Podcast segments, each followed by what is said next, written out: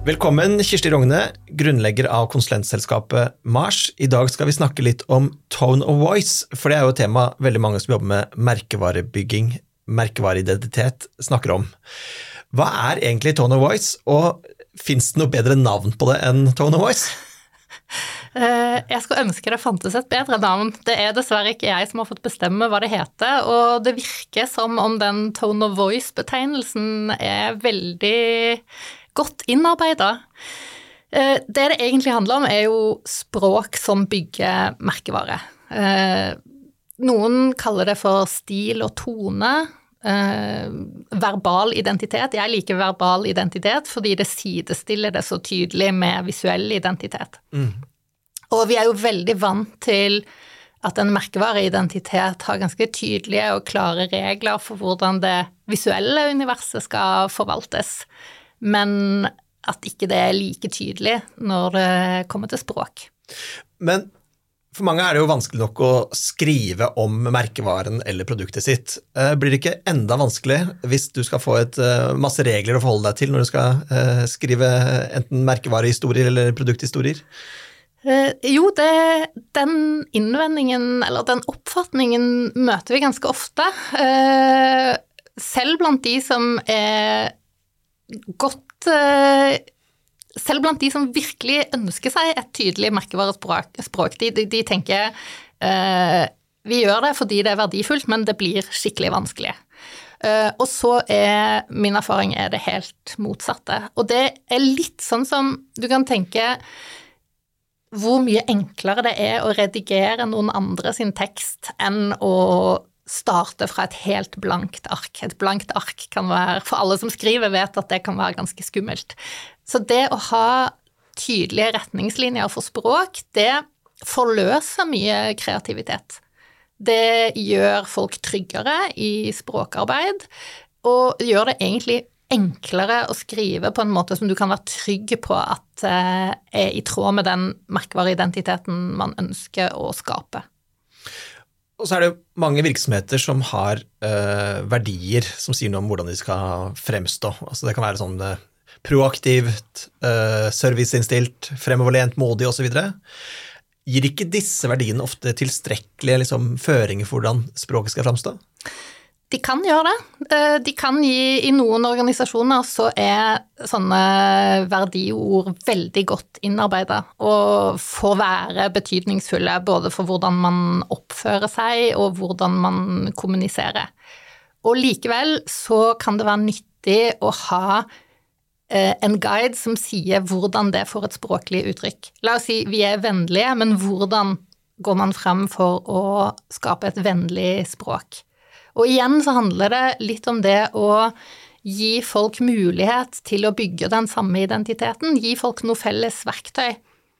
Og det vet vi at det som bygger Det folk får tillit til, det er jo det samme for, for, folk vi kjenner som for merkevarer. Det er de som vi på en måte Vi vet hvor vi har de.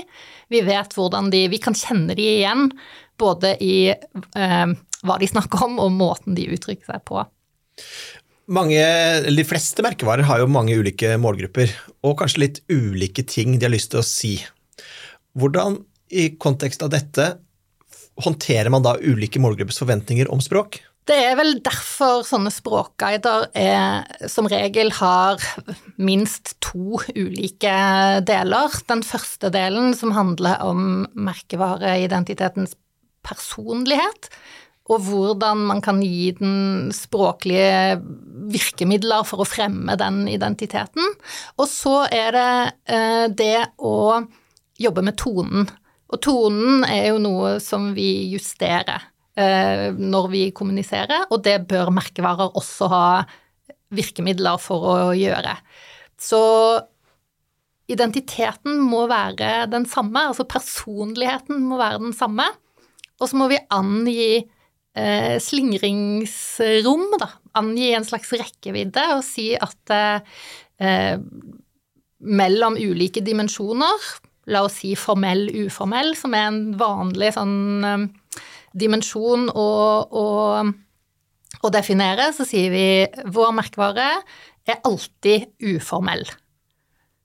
Uansett hva vi snakker om, så gjør vi det på en uformell måte.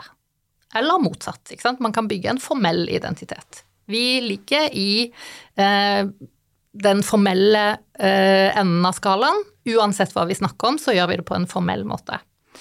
Og så kan man ha en, eh, en dimensjon der man ser på språket Er det saklig, eller er det emosjonelt?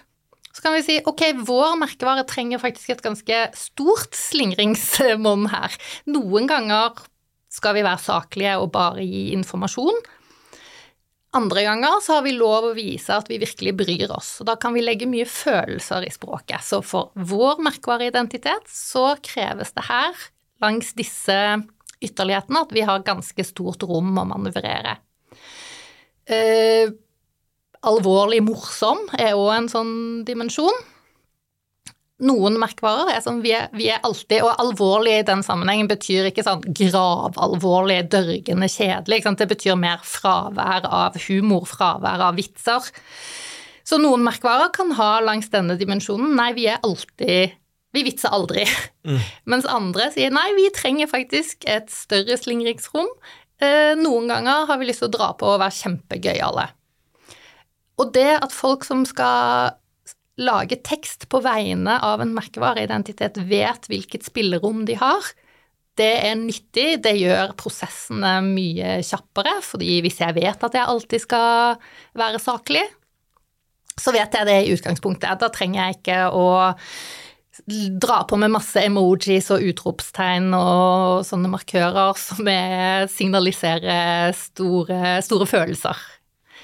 Men hvordan er det når eh, virksomheter tar kontakt med deg og sier her har vi åpenbart behov for et felles språk eller en tone of voice, mm. hvordan er det du normalt sett eh, går fram? Og det er sikkert ingen fast metode, men eh, hvordan jobber dere sammen? Det kommer jo litt an på hva de har fra før.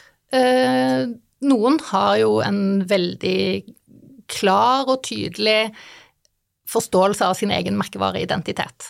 Da jobber vi bare med å gi den et språklig uttrykk. Og da beskriver vi hvor er det denne guiden gjelder, hvilke merkevarer er det den gjelder for.